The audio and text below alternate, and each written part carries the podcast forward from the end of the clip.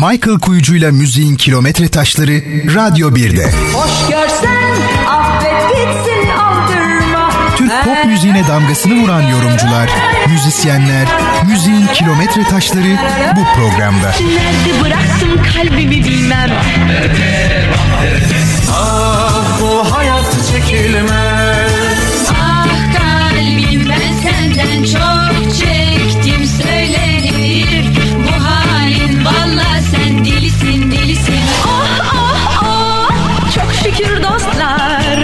Benim de Michael Kuyucu'yla müziğin kilometre taşları her pazar saat 21'de Radyo 1'de.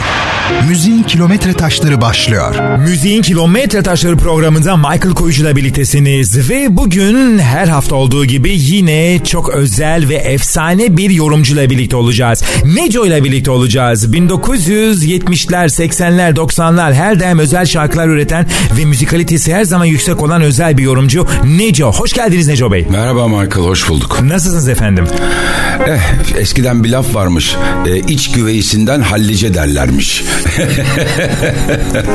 iyiyim iyiyim. Aman iyi Eyvallah olun. seveyim. Ee, e, 50. sanat yılını devirdik. 52'ye doğru gidiyoruz. E, 52 bitiyor bu sene. Evet. 52 bitiyor. Yani buna sanat yılı demek de pek dilime varmıyor da çünkü ben biraz kelimeleri e, içerdikleri anlamlar açısından yerinde kullanılmasını falan çok severim. Biz e, aslına bakarsan e, biz sanatçı değiliz. Yani sanatçılar kimler? Ressamlar, e, heykeltıraşlar, efendim el ile ve şeyle kendi yetenekleriyle eserler yaratanlar sanatçı. Bizler yorumcuyuz. Ee, insanları müzikle, yorumumuzla, şa- e, şahsiyetimizle eğlendiren, dinlendiren, e, onlara e, müziğin güzel yönlerini aktarmaya çalışan onlardan biri. Yani o insanlardan e, bir insanız biz de yani. Evet ama bu kadar bence e, mütevazı olmamanız lazım. Çünkü Türkiye'de ben bunu defalarca da yazdım. E, Türkiye'ye gelmiş ender özel vokallerden ya da yorumculardan bir tanesi e, ile karşı karşı olmanın verdiği mutluluk içindeyiz. Ederim. Ve e, dinleyicilerimiz de bugün bu özel e,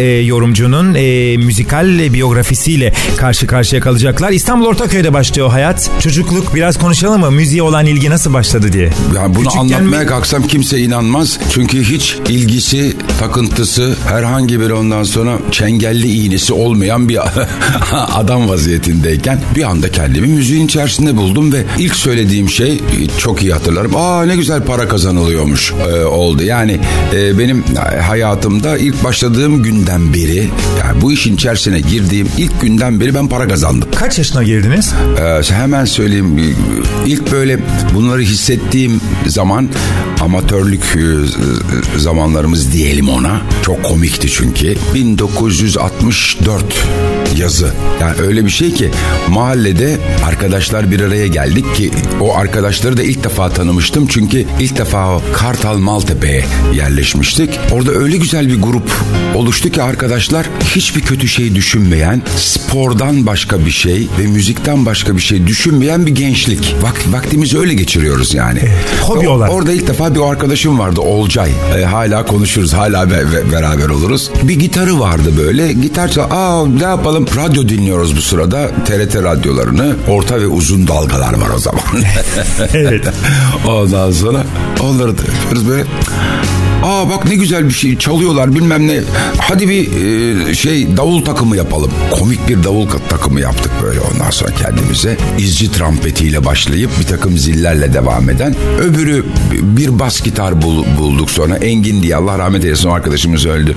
Bas gitar buldu falan. Aa Galatasaray Lisesi'nde okuyan bir arkadaşımız var. O Fransızca şarkılar söylemeye başladı. Kendi kendimize vakit geçirecek bir zeminde güzel şeyler yapmaya başladık. Ve müzik böyle başladı. Müzik başladı ve ayrılamaz olduk. Yani sürekli olarak mesela e, ben ve de bir şey o arkadaşımız şeydi Galatasaray Lisesi'nde böyle radyoda böyle e, duyduğumuz şarkıların sözlerini çıkarmaya çalışıyoruz falan filan böyle. Çok enteresan, çok e, yokluktan bir şeyler var etmeye çalışan e, gençler gibiydik yani. İşte o zamandan beri işler gelişti.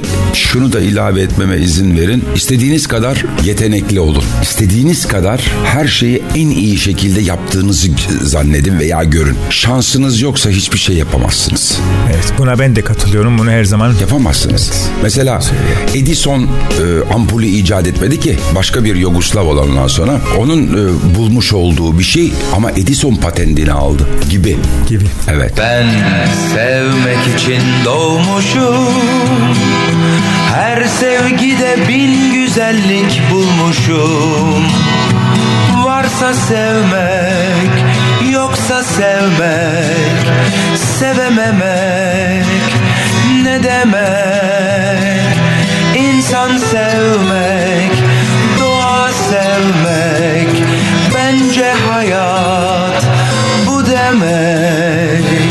Müziğin Kilometre Taşları programı devam ediyor. Neco'nun çok özel ve benim de çok sevdiğim bir şarkısı Ben Sevmek için Doğmuşum'dan küçük bir bölüm dinledik. Neco Bey bu şarkıları bol bol konuşacağız ama ne dediniz? Ee, ilk orkestra 1964'te orada bu arkadaşlarla birlikte siz bir Evet. orkestra oluşturdunuz.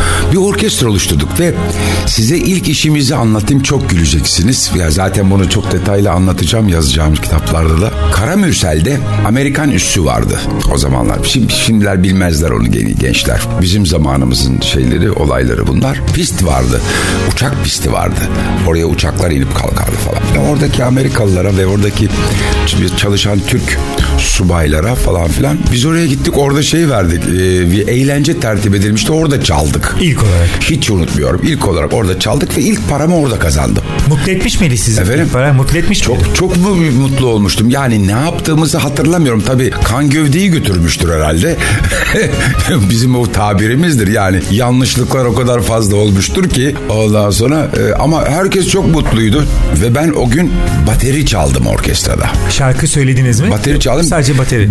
Bir veya iki tane şarkı söyledim. Diğerlerinde o Galatasaray sesindeki arka, o ismini unuttum onu. Çok uzun senelerde göremedim. Arka, ya o zamandan sonra göremedim. Ona inşallah yaşıyordur. O söylemişti şarkıların bütün şeyini.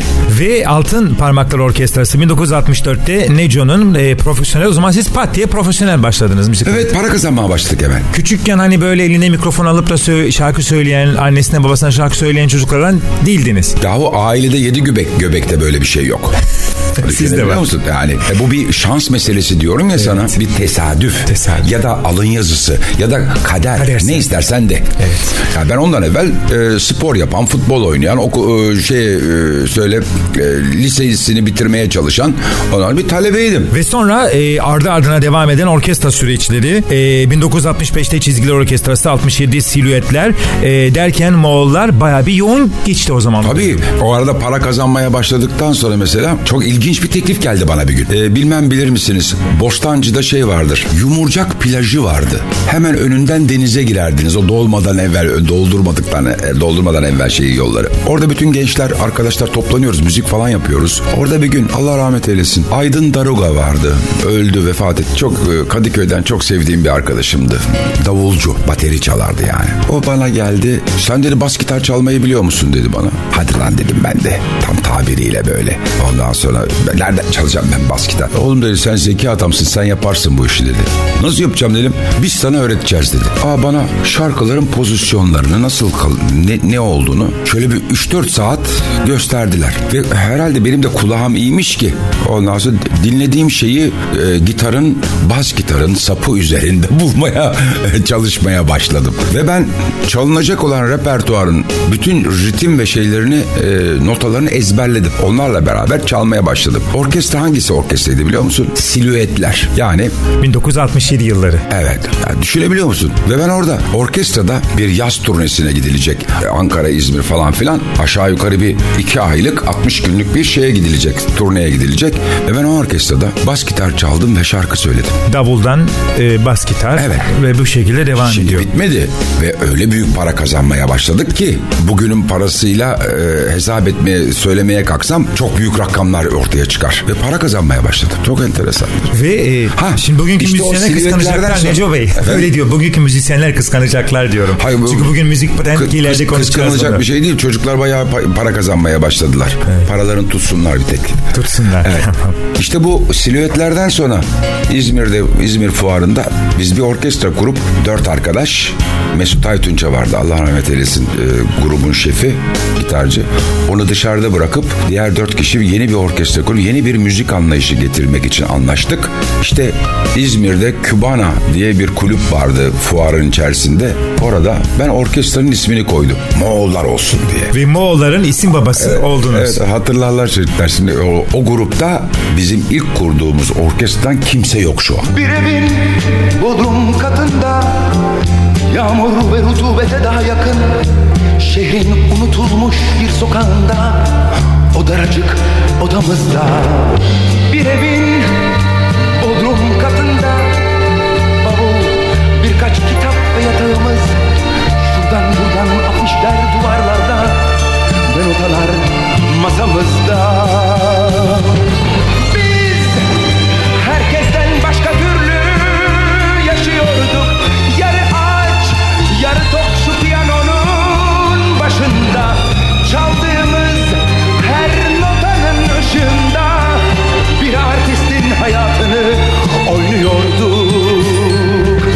Michael Kuyucu'yla müziğin kilometre taşları devam ediyor. Neco Bey şarkı söylerken verdiğiniz duyguyu konuşurken de veriyorsunuz. Muhteşem bir Türkçe, e, çok tok bir ses. E, Bugün hepimizin e, pek çok yorumcunun sahip olmadığı bir yorum ve ses tonu ve Türkçe var. Onu yani çok etkilendik onu söylemek istiyorum. Çocukları o kadar çok suçlamayalım ne olur Michael. Çünkü bilmediklerimizden dolayı yaptığımız hatalar kabul edilebilir. Ama öğrenmek istemiyorlarsa işte o zaman suç suç olur. Yani criminal is criminal. Ve tekrar geçmişe dönelim. TRT'de ilk e, canlı yayın ya da müzik programı, eğlence programı nasıl terminolojide konumlandırırız? Sizin yaptığınız. Şimdi e, Tarihsel bir ilik daha var çünkü burada. TRT'ye o kadar çok e, emek verdik ki yani bunu e, o zaman birlikte olduğumuz kişiler veya bu, bugün hala Allah uzun ömür versin yaşayan o zamanın e, insanları e, bunu çok güzel itiraf edip anlatabilirler. E, Mustafa Kemal Paşa dediğimiz e, caddede An- Ankara'da yer altında iki tane stüdyo vardı. Haftada üç gün yayın yapan bir TRT orada başladı. Siyah beyaz. Evet. Oradaki grupta kameramanlar ve de ondan sonra sesçilerin içerisinden e, zaman içerisinde TRT'nin başkanları falan çıktı. Düşünebiliyor musun? Evet. O kadar anılması gereken değerli kişiler var ki mesela orada program bulmakta zorlanan bir TRT'nin daima yardımındaydık. Sonrasında işler daha genişledi. Gittik ilk klip yapımları mesela TRT'de başladı siyah beyaz. Şarkıları anlatmak için klip tarzında bir takım maceralar çekiyorduk. Evet. Ya bunun ismi klip değil mi klip? Klip tabii. Bugüne Ya. göre klip tabii. Mesela benim bir şarkım vardı hiç unutmam. Paraşütle uçaktan atladım. Yere e, gelirken ondan sonra ki bütün zaman içerisinde şarkıyı verdi. Yere düşer, düştüm falan filan kalktım. Bu Hikayeler yaptık böyle. Video klip. Video klip yaptık yani. Sonra TRT'nin e, işte o, o meşhur olan Eurovision zamanında oraya çok katkım vardır. Onları konuşacağız. Ondan sonra yok Evet. efendim ne bileyim o başlangıçlarda bizim nasıl hareket ettiğimizi gören idareciler ya da bizimle beraber çalışıp da belli bir noktalara gelmiş kişiler ki e, müzisyenler müthişti. Erol Pekcan vardı.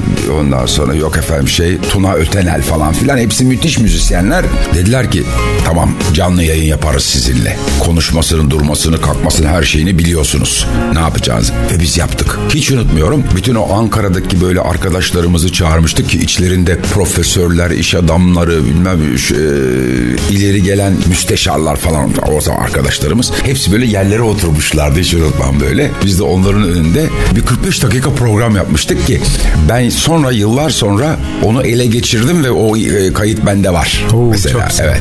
Onu Ve bu ele- da ele- ilk ele- e, ne diyelim eğlence müzik programlarından bir tanesi oldu. Evet e, bir e, cumartesi ve- veya pazar günleri bak işte hangi gün yay- yayınlandığını hatırlamıyorum yapıldı ama cumartesi pazar günleri müzik eğlence programları vardı. Falan. Onlardan bir tanesi. Dünyaya getiren onlar Besleyip büyüten onlar Baş tacımız onlar Kadınlarımız onlar Ninni maniler söyleyen Onlar sevgiyi öğreten Onlar kalbimizde Onlar gönlümüzde Onlar Evet, Neco'la birlikteyiz. Müziğin Kilometre Taşları programı devam ediyor ve orkestra döneminde çok yoğun e, Moğolların isim babası Neco. Solistliğe nasıl geçti peki? İlk 45'lik bakıyoruz 1974 yılında e, Ne Bu Halimiz Böyle ve Gülmeyi Unutan Adam'la sizi kitleler ilk 45'liğinizde tanıdılar. Biz de onun hikayesini alalım isterim. Peki aslında çok e, geniş detaylı anlatılması gereken ki öyle yapacağım zaten. E, ama şimdi birazcık radyo programı diye bunu biraz e, tıraşlayarak ana hatlarıyla anlatacağım. Vatani görevimi bitirip de geldikten sonra çok mutsuz bir adam vardı e, ortada. Çünkü iki seneye yakın bir askerlik yapmış ki askerliğimi de askerlik görevimi de Sivas ve e, Elazığ'da Doğu Anadolu'da yaptım ki şunu kesinlikle söyleyeyim benim için muhteşem deneyimlerdi. Oraları görmek, oralarda yaşamak unutamayacağım lezzetlerdir. Valla sakın başka türlü konuşmadığımı pek hassas olan bu konularda e, dinleyicilerimize bilhassa anlatmak için e, bunu üstüne basa basa e, bunun üstüne durdum. E, geldim baktım ben bu ortama bu piyasaya nasıl adapte olacağım? Müzik piyasasına. Evet yani çünkü e, biliyorum güzel para kazanılan, e, güzel e, bir takım şeyler yapılıp e, insanlar ta- tarafından sevilen bir kişi olabilirsin. Çünkü o zaman aristokratımız daha çok. Daha kültürlü bir e, zemin var. Daha az kalabalığız. Efendim böyle bir ortam içerisinde Ve müziğe de daha yüksek bir talep var. Evet. Dolmabahçe stadında bir Beşiktaş maçı var. Oraya gittim. Tam çıktım şeyden maçtan çıktık. Türkiye'nin yetiştirdiği en büyük müzisyenlerden bir tanesidir. Yalçın Ateş. Yalçın abi sen ne zaman geldin dedi. Askerden dedim abi işte e, bir hafta falan oldu. Ne yapıyorsun dedi. Hiçbir şey yapmıyorum dedi. Benim orkestraya geliyorsun dedi. Ve bu sene dedi şeyde çalışacağım. Büyükada'da çalışacağız dedi Anadolu Kulübü'nde. Sen dedi benim şarkıcım olur musun dedi. E, zaten orada oradaki adanın ondan sonra e, birçoğu benim arkadaşım zaten ve hala arkadaşlığımız devam eder. Oraya girdim. Onlarla çalışıyorum. Tam o sıralarda Kıbrıs hadisesi oluştu. Kıbrıs'a çıkarma yaptık e, askeri olarak. Tabii İstanbul'da karartma var falan şudur budur. Ben de ara sıra Büyükada'da kalıyorum. Ara sıra şeye iniyorum. Eve iniyorum falan filan. Üsküdar'da oturuyoruz ama. Bu arada şeye uğruyorum.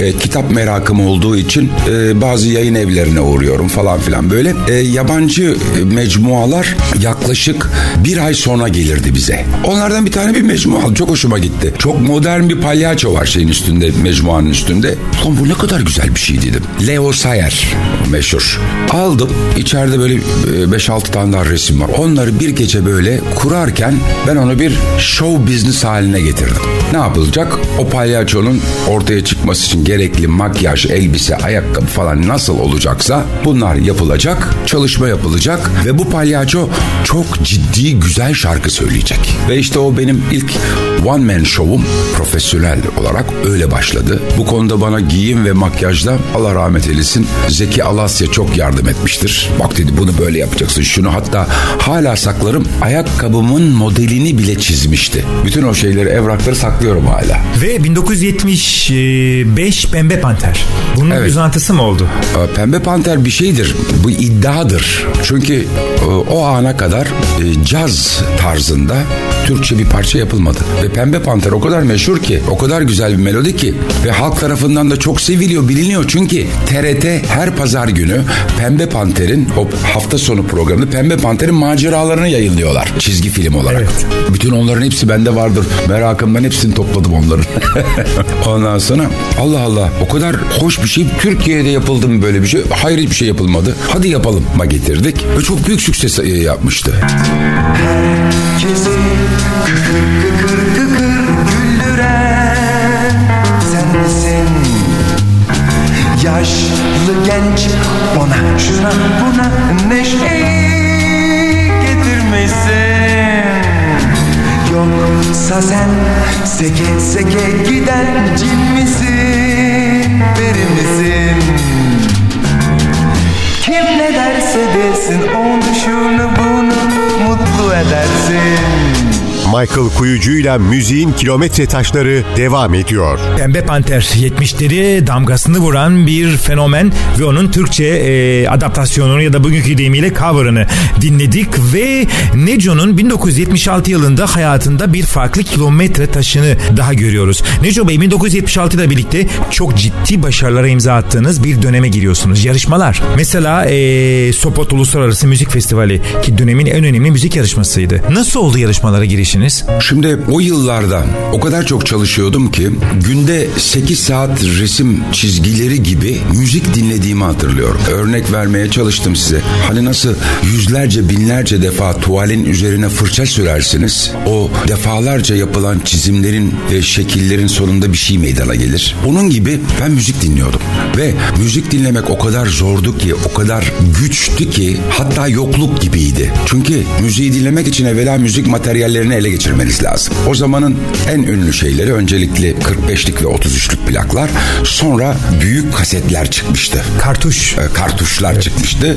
Onların kayıtları ama onun ömrü fazla sürmedi. Sonra normal e, kasetler çıktı. Şimdi bütün bunları bulmak için o müzikleri dünyada ne oluyor ne bitiyor öğrenmek için müzikleri ele geçirmeniz lazım evvela. Hani bunu birkaç tane arkadaşımız vardı İstanbul'da. Bunlar yurt dışıyla temasta oldukları için o plaklar gelip bunları çoğaltıyorlardı. Ses kayıt yapıyorlardı. Evet. Onlar da ama bunun yetmediğini gördüm. Ne yapıyordum? Senede birkaç defa yurt dışına seyahat ediyordum. Böyle beş günlük bir haftalık falan filan. Ki genellikle o zamanlar ki hedefim Londra'ydı hep. Neden Londra'ydı? Londra'ya gidiyordum. Orada bir takım arkadaşlarım vardı. Onlara haber veriyordum önceden. Müzikalleri seyrediyordum. Alışveriş yapıyordum. Plaklar alıyordum. Bir de en büyük merakım futbol maçlarına gidiyordum. Bunları böyle bir bana blok halinde çocuklar biletlerimi alıyorlardı. Orada box ofisler vardır e, Londra'da. Hala var mı bilmiyorum. Uzun zamandır gitmiyorum. Orada böyle gidersiniz. Hele bir tanıdığınız varsa ki Kıbrıslı çocuklar çalıştırırdı hep oralarını. Box ofisleri. Hepsini bana blok halinde alırlardı. Ben pat pat pat pat da hepsini metroyla şunla bununla hepsini halleder. Alışveriş yapar dönerdim. İşte o sayede müzik dinlemeye başladım. O sayede güzel bir koleksiyon yaptım. Ve o sayede müzik üzerine olan düşüncelerimin gelişmesine yardımcı oldum. Ve dünyaya açılma konusunda da repertuarınızda geliştirdiniz. Ondan sonra dedim ki ya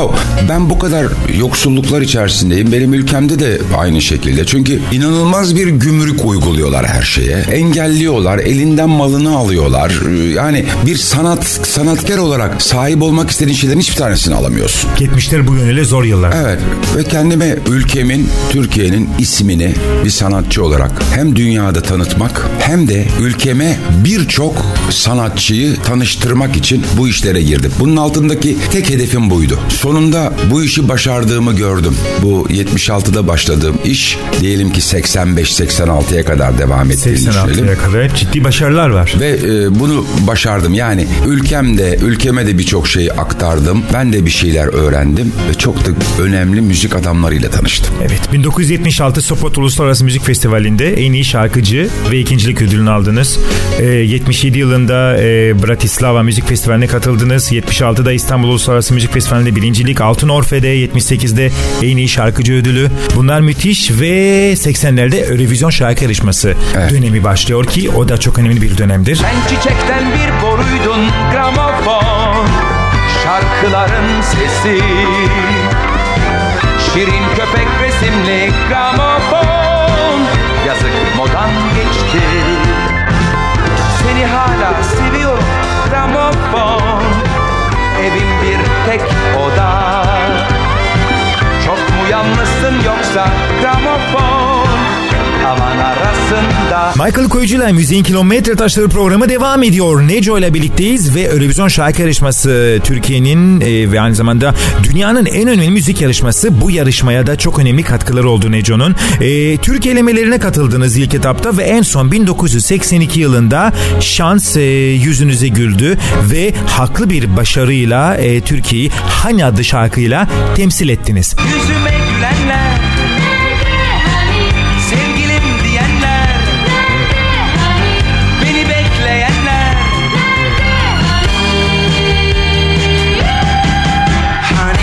Neco Bey o dönemi e, hem hatırlıyorum hem de araştırmacı olarak araştırdığım için e, biliyorum naçizane. Elemelere katılan şarkıların %90'ı yani 4 ya da 5 şarkının 3 sizin yorumladığınız şarkıydı. Evet. Favoriydiniz. Nasıl oldu? Hikaye biraz alabilir miyiz? Türkiye'den İngiltere'ye kadarki hikayeyi. Şimdi o zamanlar biliyorsunuz ihtilal dönemi. Evet. 12 80 Eylül. 80'de 12 Eylül ihtilali olmuş. Hala askeri güç var ve de eski bir asker TRT'nin başında. Evet. Çok komiktir bu çok enteresan olaylar. Evet. Ve de çok önemli bir şey daha söyleyeyim. TRT'nin 82 revizyon elemeleri Türkiye'de ilk defa renkli olarak yayınlandı. Renkli televizyona geçişin ilk şeyi bu revizyon yarışmalarıdır. Ve bu banttan yapı verildi. Canlı verilmedi. İyi ki öyle olmuş. Neden? En son final yarışması yapıldı. Ödüller ve plaketler verilecek.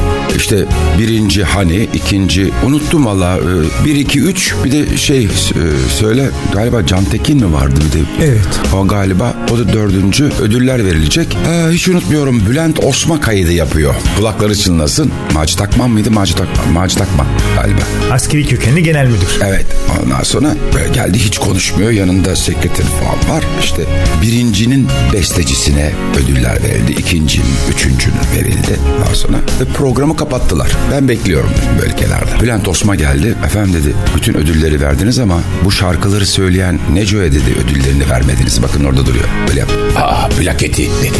Tamam böyle. Tekrar yeni baştan çekim başladı. Tekrar aynı şeyler yapıldı ve en nihayet benim şeyim verildi. Ödülünüz, plaketiniz. Evet yani öyle ilginç bir şeydir ki bu. İnsanlara kültür ve görüş açısından sahip olacakları o yumuşaklıkları verebilecek en önemli yayın kuruluşu olan televizyonlar yaptıkları hatalarla birçok şeyi aslında çanak tuttular. Dolayısıyla bunu söylemek zorundayım. Ben bu ülkenin bir vatandaşı olarak bu ülkenin ondan sonra her e, konusunda bayrak taşımış birisi olarak bunu söylemek zorundayım. İdarecilerimizi hiçbir zaman yerinde ve sahip oldukları bilgiler seviyesinde seçmedik biz. E, hala da öyleyiz. Evet. Çok üzücüdür. Maalesef. Her şeyin bir profesyoneli dediğimiz hani biz profesyonel lafını çok kullanırız ya. Para alan herkes çok iyi iş yapar zannederiz de değildir o. yani uzmanlaşmış, bilgisi olan, aklı çalışan ve kültürle sanatla kendisini yumuşatmış insanlara hiçbir zaman yol vermedik biz. Bu döneme ait bir anekdot. Evet. O dönemde e, 1982 yılında e, Hani ile Türkiye'yi temsil ettiniz ama e, ön elemelerde yer alan çok özel bir şarkı vardı. Tövbeliyim. Çok güzel bir şarkıdır. Tövbeliyim ben yazık ki sen çok geç çıktın karşıma Tövbeliyim ben çoktandır sevmeye. Tövbeliyim ben sevilmeye ve sevmeye. Tövbeli Tövbeliyim ben çoktandır sevmeye Tövbelim için birkaç kelime var mı? Güzel dediniz. Aynı duyguyu paylaştık o zaman. Yani çünkü Michael'cığım 30 ondan evvel dinliyorum o şarkıyı. ondan evvel bir şeyi hatırlatmam lazım. Çok önemlidir bu. Ee, 1982 Eurovision yarışmasının e, yapıldığı yer İngiltere'de Harrogate'ti. Harrogate Sherwood ormanlarının kenarında bir kasaba. Sherwood ormanlarını nereden biliriz? Robin Hood'un olduğu efendim ormanlar. Şimdi orada çok güzel karşılandık. Çok güzel ağırladı. Hatta 17. yüzyıldan kalma otel haline çevrilmiş olan muhteşem bir e, şatoda kaldık falan filan. Tabii basın orada şurada burada da. Bu arada şehir içerisinde gezip e, gözlemler yapacak vakit saatleri buluyorum böyle. O kasabanın halkının birçoğu kasabalarında Eurovision yarışmasının yapıldığını bilmiyor. Çünkü ilgilenmiyorlar. Çok enteresandır bu. Ve aynı şeyi sonrasında Londra'da da takip ettik. Ondan sonra insanlar bilmiyordu. O e, yarışma öncesinde iki tane unutamayacağım hatta üç tane. BBC'de e, bu yarışmayı sürekli sunan ve yorum yapan bir müzik yorumcusu vardı. Provalardan sonra bir gün geldi çok da şey işini bilen ama ukala. Evet, snob bir tip. Snob Evet, bir evet. tip böyle. Bay dedi buyurun dedim. O nasıl tanıdım çünkü adamı biliyorum. Öncesinde de biliyorum sonrasında da bildim yani. Ne işiniz var sizin bu yarışmada dedi. Pardon dedim siz dedi çok iyi bir şarkıcısınız. Çok çok iyi bir profesyonelsiniz. Size göre bir yarışma değil burada amatörler uğraşıyor dedi. Hiç unutmuyor. İki basın toplantısı yapıyoruz. O sırada İngiliz donanması Arjantin Falkland adalarına gidiyor. Efendim orada savaş var. Konuşuyoruz sohbet ediyoruz falan filan. Gazetecilerden bir tanesi bir genç. Dedi ki ukala İngiliz tarzı bu. Şu an dedi Falkland'da gidiyor dedi. Sizin dedi Türkiye'ye gelseydi ne olurdu dedi bu donanma. Bak çocuğum dedim. Sen tarihi bilmiyorsun anlaşılan dedim.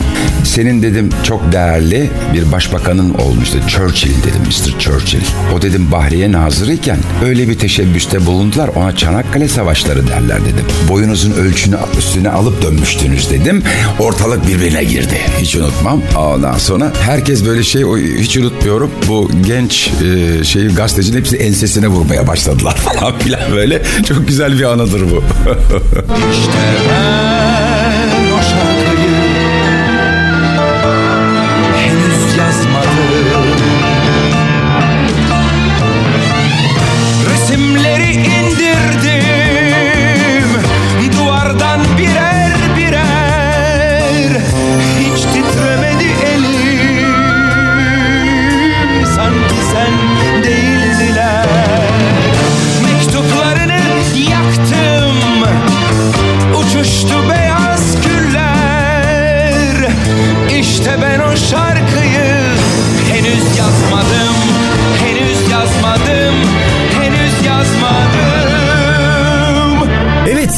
şarkıyı henüz yazmadım. Selmi Andağ'ın muhteşem bestesi. Bu da bir Eurovision e, ön eleme şarkılarından bir tanesiydi. Bir oraya gittik geldik. Peki İngiltere'de bayağı olaylı bir yarışma. Yani tabii sözünü esirgemeyen bir Neco her zaman. Tarihe böyle anılmışsınız. Şimdi- Bunu görüyoruz. Sonuçta ne oldu peki? Sonuçta e, hani çok güzel bir şarkıydı. Güzel de o güne kadarki en iyi sonuçlardan bir tanesini aldı. Fakat e, Türkiye'nin makus tarih Eurovision şarkı yarışmasında e, siz de payınızı aldınız. Ya da nasıl yorumluyorsunuz? Şimdi bakınız şu an genel dünya medyası tarafından ekonomik ve iktisadi sorunlarla e, olaylarla beraber ruhsal olarak da yumuşamış olan bir dünya şekli var. Bugün artık insanlar iki temel soruna ayrıldılar ki bunu birleştirmeye çalışıyorlar. Nedir? Hristiyanlar ile e, Müslümanları daha sulh, daha barışçıl bir ortamda birlikte yaşamaya zorlamak istiyorlar. Çünkü bu bu şekilde giderse e, her iki taraf büyük zarar görecek. Şimdi o zaman öyle değildi. Ermeni sorunu vardı, üstüne gidiyorlardı. Yok efendim Kıbrıs sorunu var, yok dış ilişkiler var. Türklere karşı hala aman korkunç canavar Türkler anlayışı vardı şeyde e, Avrupa'da. Ve dolayısıyla müziği de halk oyladığı için e, maalesef müziğin seviyesi veya ka- karakteri ya da kalitesine bakmaksızın verilen oylar ile aman da canım sevgili oğlum kızım anlayışıyla bir yarışma neticeleniyordu.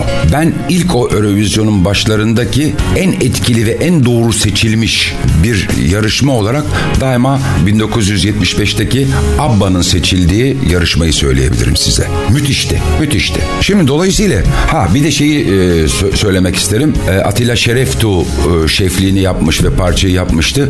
Selin Dion'un birinci olduğu yarışmadır. Doğrudur yani. Hakikaten doğru. Şimdi dolayısıyla bütün bunları e, göz önüne aldığınız zaman Türkiye'yi temsil eden sanatçının söylediği şarkıyla Türkiye olarak çıkıyorsun oraya. Kaç puan alabilirdi? Ne alabilirdi? Bakın mesela akabinde kulakları çınlasın. Can Bartu e, ile sohbet ediyoruz. O dedi ki ya Neco dedi şeydeydik senin o yarışmadan sonra ki yaz. İspanya'daydık. İspanya'da her tarafta en beğenilen şarkıcı o senin şarkın çalıyordu her taraf şeyde bütün televizyonlarda dedi. Çok enteresandır bunlar. Başarılı olan sevilen bir şarkı olmuştur Eurovision şarkı Tarihinde. Şimdi Eurovision şarkı yarışması ciddi bir yarışma hiçbir zaman olmadı. Eurovision yarışması EBU'nun yani Avrupa e, Broadcasting Corporation'ın e, kendine üye ülkelerin kanallarını kontrol etmek ve sağlıklı şekilde tutmak için yaptığı bir işlemdir bu aslında. Şimdi de nedir yıllardır? Telefon mesajlarıyla büyük gelir topluyorlar. Evet, SMS geliyor. E Yani sor- sorulacak soru şu yani ne? Yani nesin? Ne yapıyorsun? Hayır her şey ekonomiye girdi yine. Hayallerini bırak. Umutlar senin olsun. Döneceksin sanarak. Yaşanmaz biliyorsun. Hayallerimi bırak. Umutlar senin olsun. Döneceksin sanarak Yaşanmaz biliyorsun. Hayallerimi bırak. Umutlar senin olsun. Döneceksin sanarak Yaşanmaz biliyorsun Hayallerimi Müziğin Kilometre Taşları programı devam ediyor. Michael Koyucu'la birliktesiniz ve Neco'yla görüşmeye devam ediyoruz. Ve 80'leri bitirdik tabii. Neco 80'lerde zirvede e, Eurovision'la getirdiği popülariteyle star bir, bir pop müzik ya da popüler müzik starı konumuna geldiniz. Bilmiyorum nasıl yorumluyorsunuz. Yok, ben hiçbir zaman öyle görmedim. Görmediniz. Hiç, ben şöhret, Ama müthiş bir şöhret var. Şö- şöhreti ben hiçbir zaman bir elbise olarak üzerime giyemedim.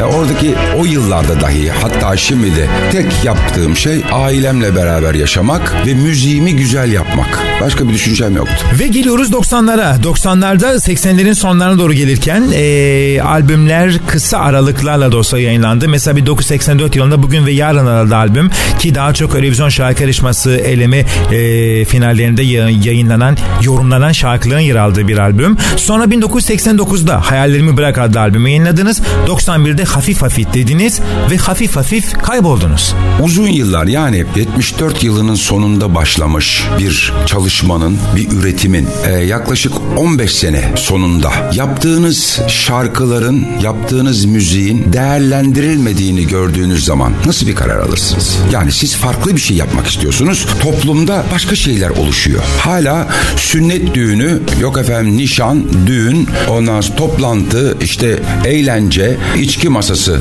da kullanılan e, müziğe müzik diyen, onunla beraber eğlenen bir topluma ne verebilirsiniz daha fazla? Yani salt, söylenecek çok e, acı sözler var tabii aslında ama salt türkü bestelediğini söyleyen türkücülerle efendim şarkıcılarla hepsi aynı ritimde çalınan şarkılarla yapılan bir müzik bir ülkeyi ne kadar temsil edebilir? Bakın biz çok önemli bir şeyi kaybettik. Kaybettiklerimizi hiç hatırlamıyoruz ki. Hep tuhaf bir hastalık var. Biz klasik Türk müziği denen yıllar boyu öncesinden, asırlar boyu öncesinden başlamış olan bir kültürü kaybettik biz. Öyle mi? Evet. Yani e, biz şu an dede efendileri gel buraya Avni Anılları bilmem efendim şunları bunları ya, tabii söylenecek çok isim var da hatırlamıyoruz bile ya. Bırak şarkılarını hatırlamayı. Kişileri hatırlamıyoruz. E hangi müzik kültüründen bahsettiğimizi birileri bir anlatmaya çalışsın bakayım. Yani müziği korumak, korumak nereye kadar? Ya ben de belli bir yaşa geldim. Ben de bir belli şekilde e, yoruldum. Artık bir kenarda oturmak değil yani çabalarım ama yani bir şeyler yapmak için yine toplumun önüne çıkıp bir şeyleri anlatmak ve örnekler vermek isteyen bir e, anlayıştayım. Ama nereye kadar? Nereye kadar? Ve 90'larda bu duyguyla artık albüm yapmama kararım Evet, aldınız. kendi kendime söz verdim. Ben bir daha hiçbir şey üretmeyeceğim diye. Çok şükür beni anlayan, benim düşüncelerimi, yaptıklarımı değerlendirebilen bir kesim ki bu hala var. Hala bir e, önemli civa gibi görüyorum. Önemli bir petek gibi görüyorum bunu. Hala o yaşayan grup e, Nüve hiçbir zaman beni yalnız bırakmadı. Sonu geldi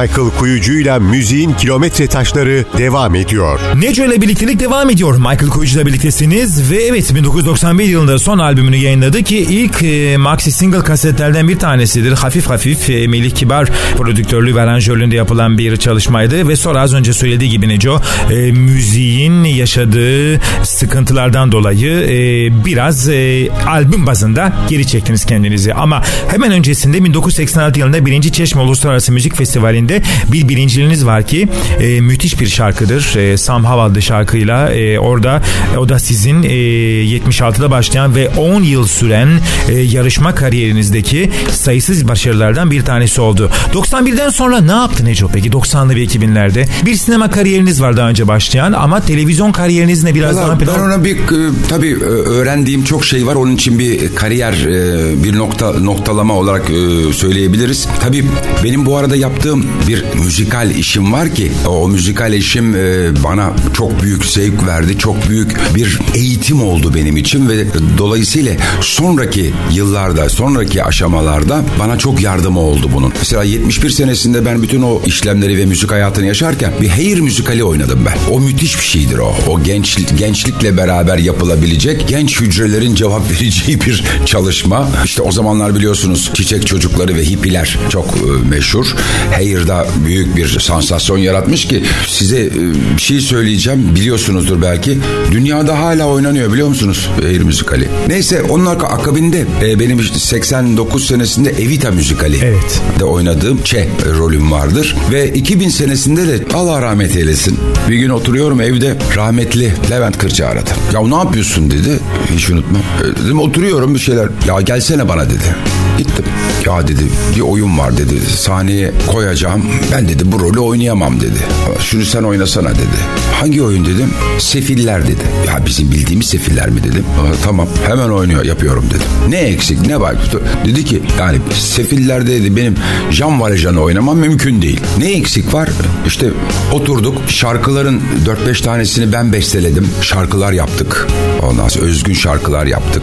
Bunlar hepsi hazır vaziyetli sözleri. Ve 19 temsil yaptık. 19 temsil ya anlatmam mümkün değil. Çok devasa bir çadırdaydı şeyde. Küçük çiftlik parkında. E, aşağı yukarı 100 metrelik bir sahne vardı. İçerisinin normal olarak oturma se- sayısı 1100-1200 kişiydi. 2000 kişiye falan oynadık. Yani sahnenin ön tarafına bizim rol yapmak için kullandığımız alanlara bile insanlar oturuyordu. E, bunlar benim için çok önemli. Ve e, akabinde yaptığım e, sinema çalışmalarında da e, bana çok büyük yardımı geçmiştir bu olayın. Üstelik ben bir şeyi söyleyeyim çok az e, insan bilir bunu. Ben bir de çok güzel bir film koleksiyonuna sahibim. Çocukluktan beri merakımdır. Tabii seyrettiğim ünlü aktörler, şunlar bunlar, düşünceler, rejisörlerin ya- yaptıkları şeyler de benim bu konudaki hayatıma e, büyük katkıları olmuştur. Sevgini bırak da git.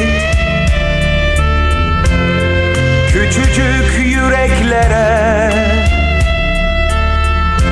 Tazecik umutlar solmasın Sevgini bırak da git. Madem ki gideceksin sonunda Sevgini bırak da git. Sevgi her şeye değer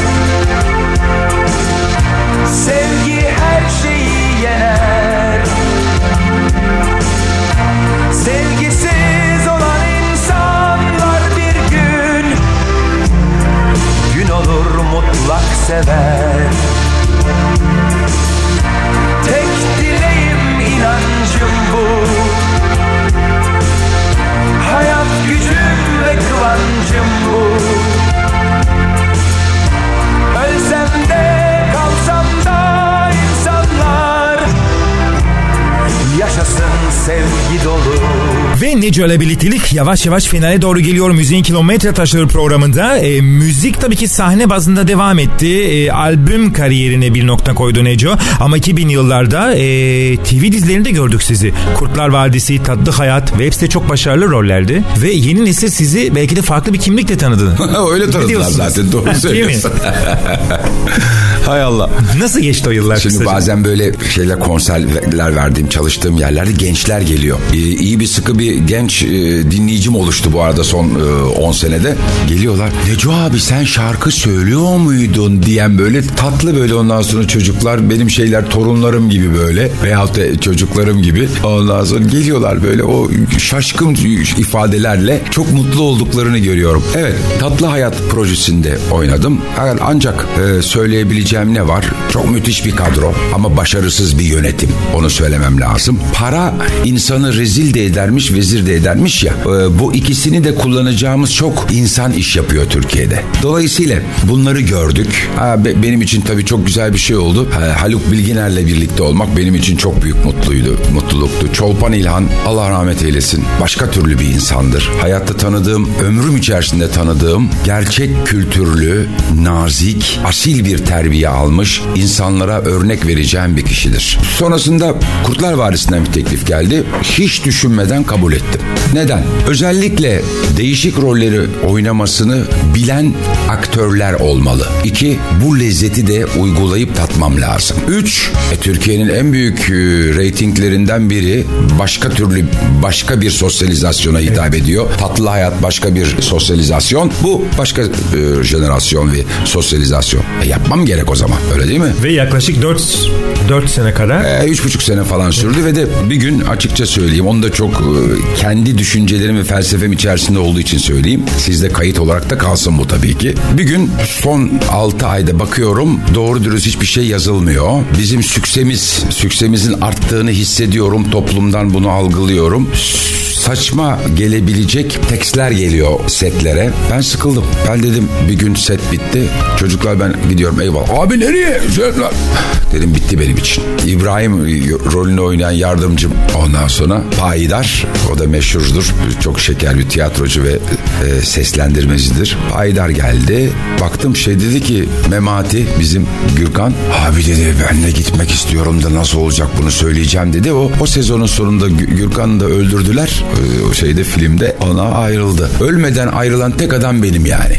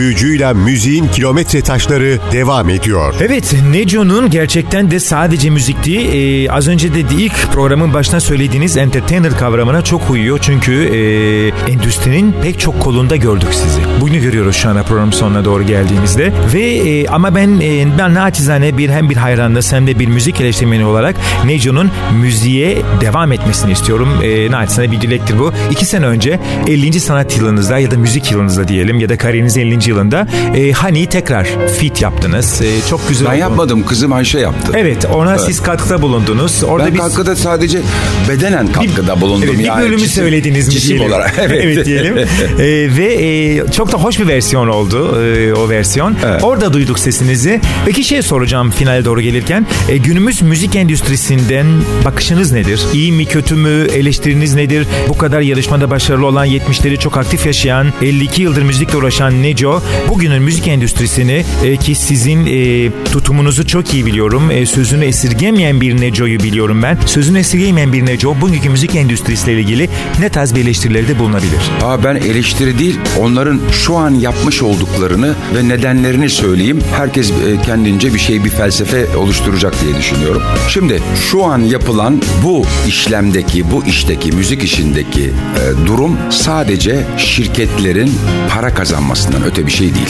Çok güzel medyayı kullanıyor ki bunlar da medyanın içerisinde zaten. Medyayı çok güzel kullanıyorlar. Çok güzel paslaşıyorlar. Yaptıkları şey insanların gözlerine ve kulaklarına hitap etmek ama dedikodu yönünden. Bütün e, sanatçıları çok güzel pazarlayıp çok güzel dedikodularını yaptırıyorlar. Aa bak şu şunu yapmış, bu bunu yapmış diye insanlar giderken arkasından verdikleri müzikleri alıp sanki insanlar o konuştukları merak ettiği kişinin e, ne yaptığını, ne, ne ettiğini görsel olarak orada görecek gibisine e, eserlerini satın alıyorlar. Yaptıkları şeyleri satın alıyorlar. Artık bu, bu noktadan sonra yapmış oldukları şeyin kalitesi şusu busu önemli değil ki. Bu tarzda yürüyor zaten. Bu tarzda satıyor. Ne yapıyorlar? Bak Amerika bu konuda müzik konusunda daha tutucudur.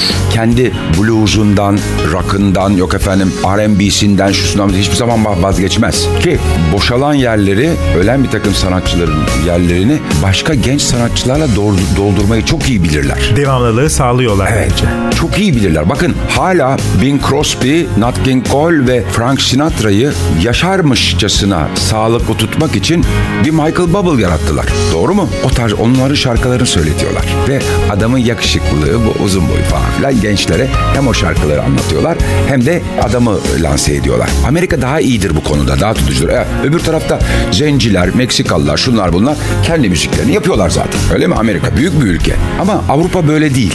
Avrupa'da hala bir yerine oturmamışlık var. Mesela hiçbir zaman olmamış bir Almanya pop müziği vardır. Fransızların romantizm ve balatları, İngiltere'nin e, soft ve hard rockları hala oturmamışlık vardır. Hepsinin altında e, bir şey yapıp ortaya çıkarmaya çalışırlar. Mesela kendilerince ödül törenleri yaparlar. Bir takım ödüller vermeye çalışırlar ama bir bakarsınız ki temelde hiç doğru dürüst elle tutulan bir şey yoktur. Tıpkı Avrupa'da olan film festivalleri gibi. Amerika Oscar'ı çok satan, çok tutan ve kendi felsefesini sürdüren filmlere ödül verir. Öyle mi? Avrupa öyle değildir. Avrupa kendi eski kültürü olan sanatsal yapılarını öne çıkararak bir takım fe- e, festivaller, yarışmalar düzenler ama maddi olarak pek de hoş olmaz. İşte bu kargaşa devam ediyor hala. Bu kargaşayla yeni gençlik, zaten yeni gençlik kendi, kendilerine bir şey bulabilmek, hedeflerine doğru yürüyebilmek için bir ekonomik zorluk içerisinde yaşıyor.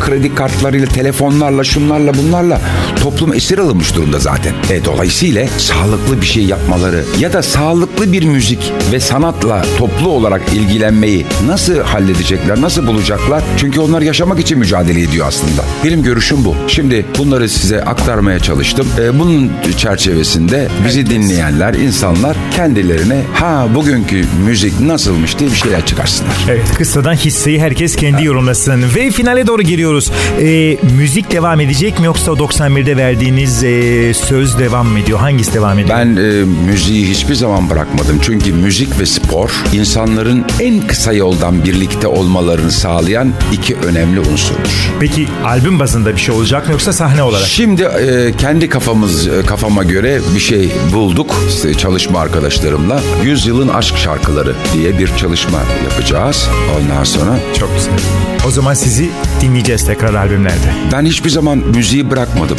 Hala da sahneye çıkıyorum. Hala da insanlarla temas edip yaşadıklarımı anlatıp güzel şarkıları paylaşmaya devam ediyorum ben. Ve bir müziğin kilometre taşları programının daha sonuna doğru geldik. Mutluluk şarkısı bir dönem TRT radyoları ki tekel olduğu için e, en çok çalınan şarkınızdı. Çok da önemli bir şarkıydı. Çok da pozitif duygular veren bir şarkıydı. Onunla veda edeceğiz. Ve e, finalde e, müzik severe mesajınız ne olacak Neco Bey?